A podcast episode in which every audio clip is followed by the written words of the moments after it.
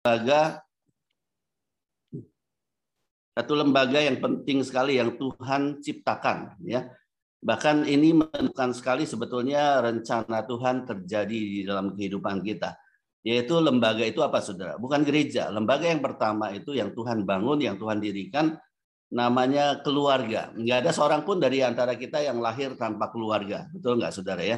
Pasti saudara dilahirkan dari seorang ibu ya saudara eh, lahir karena ada satu hubungan yang namanya keluarga. Nah, ini merupakan satu hal yang penting sekali di dalam kehidupan kita bahwa keluarga itu memegang peranan yang sangat utama sekali di dalam kehidupan kita. Saya ingin share screen dulu.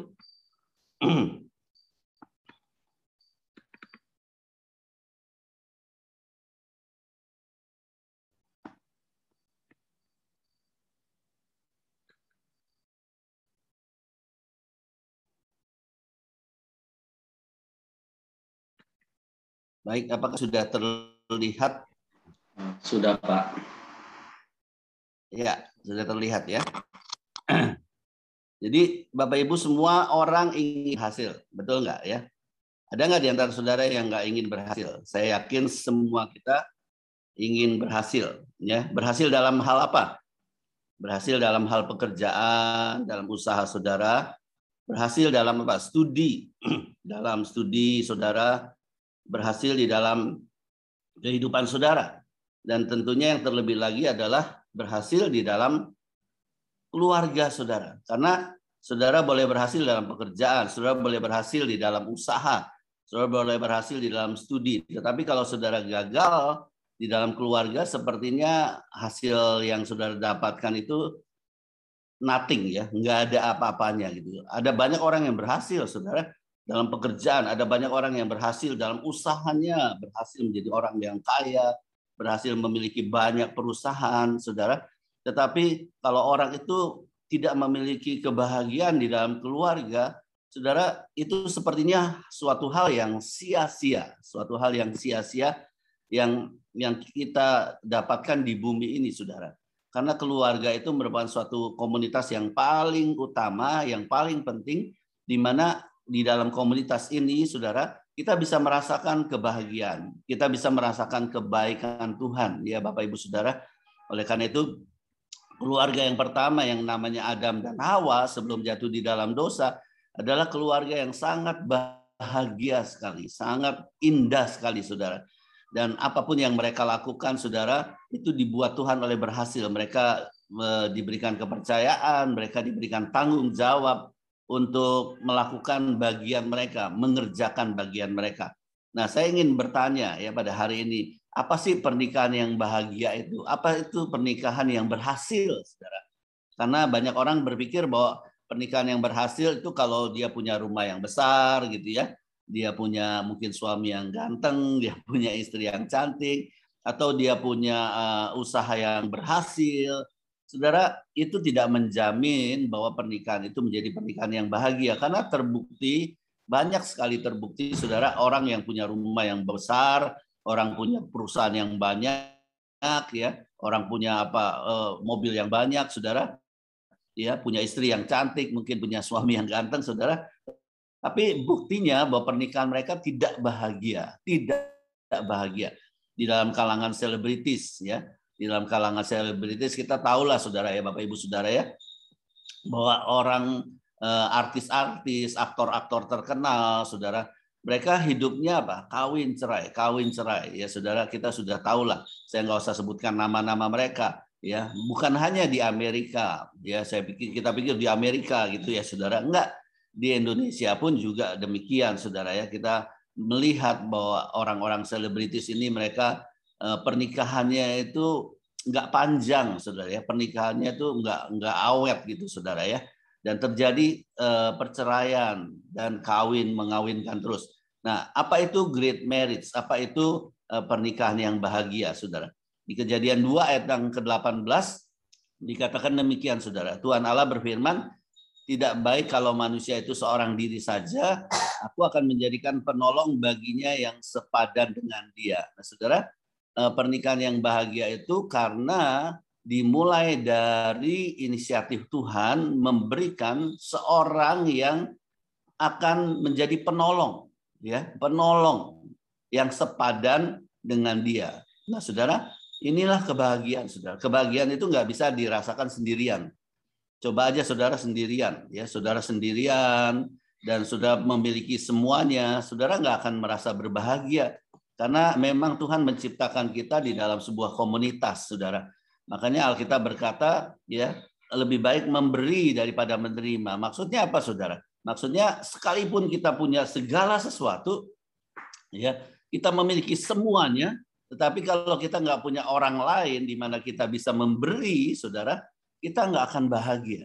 Oleh karena itu Alkitab berkata dalam kejadian 2 ayat yang ke-18 itu, tidak baik kalau manusia itu seorang diri saja. Maksudnya di sini saudara bukan hanya sekedar punya teman, saudara, bukan hanya sekedar punya pasangan, tetapi punya orang ya di mana kita bisa memberi kepada orang tersebut. Dan ini merupakan satu hal yang penting. Makanya di sini dikatakan aku akan menjadikan penolong baginya. Saudara, penolong itu artinya apa? Kita memberi sesuatu kepada orang lain supaya orang lain itu menjadi lebih baik. Amin, Bapak Ibu Saudara.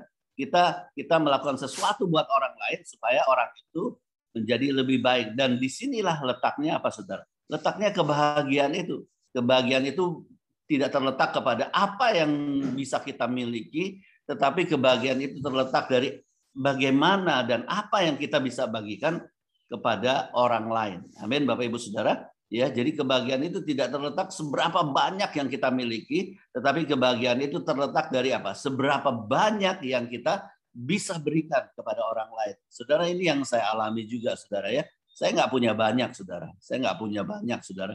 Tapi saya berbahagia karena saya bisa memberikan apa yang tidak banyak itu kepada istri saya saya bisa memberikan kepada apa yang apa yang Tuhan berikan kepada saya yang tidak banyak itu saudara kepada anak-anak saya. Itulah yang membuat saya berbahagia saudara. Ya sampai hari ini prinsip dari pernikahan itu bukan bukan mendapatkan saudara tapi prinsip daripada pernikahan itu adalah to give memberi saudara memberi kepada orang yang kita kasihi. Oke. Nah saudara apa arti kata sepadan? Nah ini penting saudara. Arti kata Padan bukanlah sama ya, bukanlah sama. Oh, kebiasaannya sama, saudara eh, hobinya sama, seleranya sama. Enggak ya, saudara. Selera saya dengan istri saya beda ya, makanan juga berbeda. Ya, ada sih beberapa yang sama gitu ya, Bapak Ibu. Tapi ada banyak hal yang berbeda, kebiasaan yang berbeda. Tapi arti kata sepadan itu saudara bukanlah sama tetapi apa seimbang, cocok ya. Jadi sepadan itu beda tapi cocok, saudara. Beda tapi cocok. Seperti baut dengan mur, beda kan?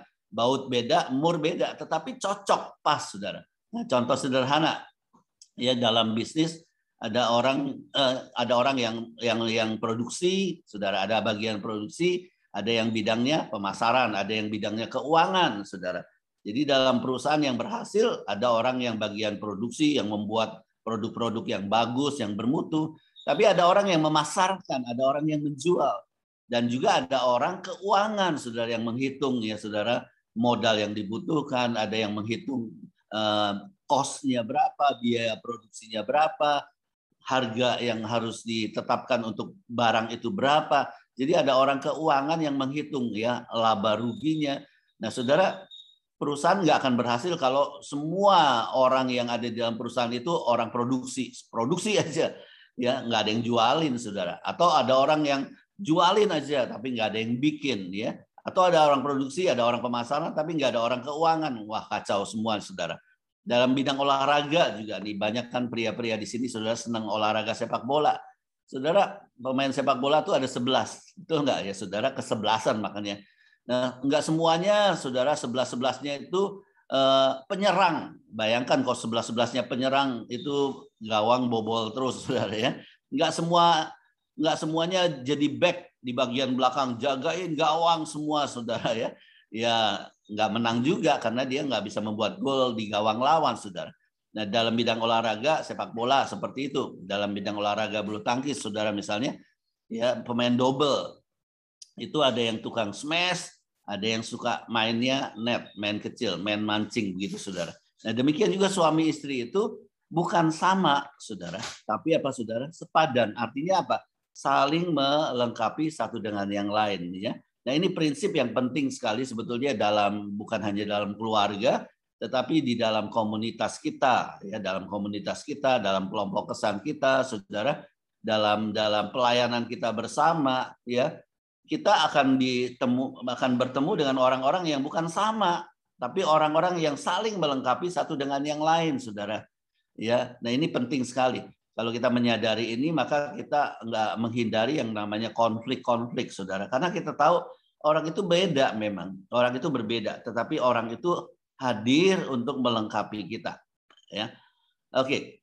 Ada seorang bernama Dave Muir. Ya, Dave Muir ini berkata, apa sih a great marriage itu? Dikatakan begini, a great marriage is not when the perfect couple comes together, It is when an imperfect couple learns to enjoy their differences. Jadi eh, keindahan hidup itu apa sih saudara? Keindahan hidup itu bukan berarti orang yang perfect kumpul bareng-bareng, orang yang perfect kerja bareng-bareng, orang yang perfect menikah jadi satu. Enggak, saudara. Tetapi dikatakan oleh Dave Muir, it is when an imperfect couple. Jadi orang-orang yang enggak sempurna.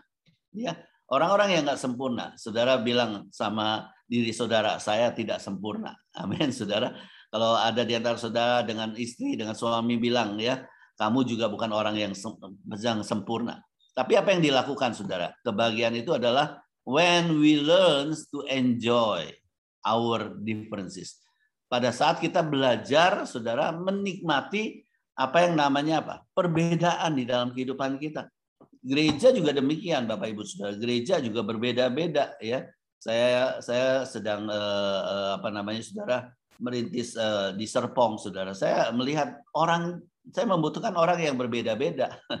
Bukan orang yang sama saudara orang yang berbeda-beda. Tapi justru dengan berbeda-beda ini kita saling melengkapi satu dengan yang lain saudara. Memang ada ada ada kemungkinan terjadi konflik-konflik. Tetapi kalau kita menyadari bahwa perbedaan itu membawa kebaikan buat kita, itu akan membuat kita menjadi lebih tajam dan lebih berhasil. Nah, saudara, pernikahan yang berhasil itu menurut Dave Mirror bukan karena dua orang yang sempurna, ya, berjanji bersama, tapi dua orang yang tidak sempurna yang dapat menikmati perbedaan. Demikian juga dalam komunitas kesan, saudara, dalam gereja, itu gereja kita berhasil bukan karena kita ini orang yang sempurna, enggak, saudara Justru kita orang yang berdosa yang sudah dipulihkan oleh Tuhan, saudara. Dan kita bisa berjanji bersama-sama, kita bisa melayani bersama-sama, kita bisa sharing bersama-sama dalam kelompok kesan, saudara. Dan kita bisa enjoy, menikmati perbedaan-perbedaan. ya. Saya menikmati, saudara, dalam kelompok kesan. Karena kesaksiannya itu berbeda-beda, walaupun temanya sama gitu ya, saudara. Perjumpaan ilahi dengan Tuhan, burning heart, tapi berbeda-beda, saudara. Berbeda-beda. Pengalaman orang itu berbeda-beda. Ya, saya diperkaya justru di dalam kelompok kesan melalui apa, saudara? Melalui perbedaan-perbedaan itu ada kesaksian-kesaksian yang berbeda di dalam marketplace, di dalam pekerjaan mereka juga mengalami perjumpaan Tuhan secara berbeda-beda dan itu yang membuat kita menjadi lebih diperkaya di dalam kehidupan kita. Nah, saudara, mengapa Tuhan menciptakan penolong yang sepadan? Ya, Kenapa kita perlu hidup dalam komunitas, saudara, dalam kelompok kesan juga, saudara. Karena tugas yang diberikan Tuhan kepada kita itu sangat besar. Ya, tugas yang diberikan, tanggung jawab yang diberikan kepada kita, saudara, kepada keluarga-keluarga Kristen, kepada kelompok-kelompok kesan, kepada gereja Tuhan itu besar. Yaitu yang pertama adalah penuhilah bumi. Ya, tugas yang pertama adalah penuhilah bumi, saudara. Kita eh, pernah tahu satu lagu yang terkenal sekali ya, Bumi penuh kemuliaannya, bumi penuh kemuliaannya, bumi penuh kemuliaannya, sucilah Tuhan. Jadi tugas kita sebagai anak-anak Tuhan memenuhi bumi, bukan sekedar memenuhi bumi secara jumlah, Bapak Ibu Saudara, tetapi memenuhi bumi dengan kualitas. Perhatikan Bapak Ibu ya, memenuhi bumi dengan kualitas beda Saudara. Kalau memenuhi bumi aja ya udah beranak cucu aja lah kawin mengawinkan punya anak banyak gitu. Enggak, Saudara. Tetapi memenuhi bumi dengan orang-orang yang berkualitas Kristus. Ini yang Tuhan inginkan. Melalui kelompok-kelompok kesan, Saudara, kita bermultiplikasi, kita memenuhi kota kita, kita memenuhi daerah kita, Bapak Ibu Saudara, dengan apa? Orang-orang yang punya kualitas Kristus, karakter Kristus. Nah ini yang Tuhan inginkan dalam kehidupan kita, sudah. Tugas kita berat. Bumi yang Tuhan ciptakan itu harus penuh dengan apa? Penuh dengan kehadiran Tuhan, penuh dengan karakter-karakter Kristus, saudara. Dan yang kedua adalah taklukkanlah itu dan kelola bumi ini dengan baik, saudara. Sayang sekali ya Indonesia ini adalah negara yang sangat kaya dan sangat luar biasa kaya, saudara. Bayangkan kalau bumi Indonesia ini ya dikelola oleh orang-orang percaya yang takut akan Tuhan. Bayangkan, saya membayangkan kalau seandainya Yusuf Yusuf ya pada zaman dulu, saudara dalam perjanjian lama ada di Indonesia. Ya, saya bayangkan Daniel, Daniel, Sadrak, Mesak, Abednego yang dulu saudara ada di kerajaan Babel itu punya yang kualitas yang luar biasa itu ada di Indonesia pada hari-hari ini. Wow, saya sangat percaya Indonesia akan diberkati Tuhan. Amin, saudara. Indonesia akan penuh dengan kemuliaan Tuhan. Oleh karena itu, saudara, jangan putus asa. Masih ada waktu bagi kita untuk memenuhi apa, saudara, wilayah kita, Bekasi, Jakarta, Tangerang, saudara, Serpong, dengan orang-orang yang berkualitas Kristus, orang-orang yang berkarakter Kristus, dan dengan karakter Kristus dengan kuasa Kristus kita kita bisa menaklukkan ya daerah kita dan membuat kesejahteraan untuk kota kita, wilayah di mana kita berada. Nah, sikap dalam menghadapi perbedaan itu bagaimana, Saudara? Nah, ini yang penting ya. Kita tahu perbedaan, Saudara, tapi jauh lebih penting adalah bagaimana sikap kita dalam menghadapi apa, Saudara? Perbedaan perbedaan yang ada di sekitar kita. Bagaimana sikap kita dalam menghadapi orang-orang yang berbeda dalam gereja? Bagaimana kita menghadapi orang-orang yang berbeda kelompok kesan kita, saudara? Sepertinya memang perbedaan itu membuat ketidaknyamanan, tapi sebetulnya enggak, saudara. Ya, perbedaan itu justru membuat kita semakin dipertajam, saudara. Semakin dipertajam. Alkitab berkata apa? Besi akan menajamkan besi. Ya, manusia akan menajamkan sesamanya. Nah, bagaimana manusia menajamkan sesamanya? Dengan perbedaan, saudara. Kalau sama semua ya kita nggak dipertajam. Tapi ketika kita berbeda, saudara, itu dipertajam. Ada orang yang sifatnya mungkin agak-agak apa ya, agak nggak rapi gitu, saudara. Padahal saudara orang yang rapi banget gitu, saudara. Nah, itu membuat saudara semakin dipertajam di dalam apa? Di dalam penerimaan satu dengan yang lain. Nah, ada beberapa hal, saudara, sikap dalam menghadapi perbedaan. Ya, saya akan share hari ini empat, empat saja, saudara. Ini berlaku baik keluarga, khususnya keluarga, tapi berlaku juga buat kelompok komunitas kita, kesan ataupun gereja. Ya, yang pertama perbedaan itu bukan untuk dipermasalahkan. Ya, saudara, perbedaan itu adalah sebuah realitas nggak perlu dipermasalahkan, saudara.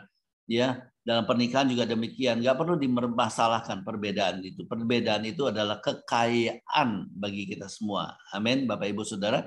Perbedaan itu bukan untuk dipermasalahkan, perbedaan itu untuk di-enjoy, dinikmati, Saudara. Nah, yang kedua, perbedaan itu akan melahirkan apa? Sinergi. Sinergi itu adalah apa? Dua orang yang bersama-sama yang bisa melakukan jauh lebih banyak daripada dia melakukan seorang diri. Itu namanya sinergi. Ya beberapa waktu lalu saya sharingkan tentang simbiose. Ya ada simbiose mutualisme, saudara. Artinya kerjasama yang saling menguntungkan. Tapi jangan sampai ada simbiose parasitisme ya, yang satu menggerogoti yang lain, saudara. Enggak. Dalam kehidupan keluarga, komunitas yang sehat, maka perbedaan itu akan melahirkan sinergi, sinergi bersama-sama. Dalam gereja, contohnya dalam gereja ya ada yang punya karunia karunia uh, talenta bermain musik, biarlah mereka bermain musik. Ada yang punya talenta talenta bernyanyi, biarlah dia menyanyi. Ada talenta yang punya keramahan, saudara. Ya biarlah dia jadi asyir, ya. Ada yang mungkin uh, orangnya lebih diam, saudara ya biarlah dia jadi pendoa gitu ya. Saudara dia lebih banyak berdiam diri kepada Tuhan gitu ya. Lebih banyak diam mendengarkan suara Tuhan. Ya biarlah dia melakukan tugasnya masing-masing dan akhirnya perbedaan-perbedaan itu akan menjadi sebuah apa? Sinergi di dalam kehidupan kita. Dalam suami istri juga demikian sudah perbedaan-perbedaan itu jangan diperdebatkan.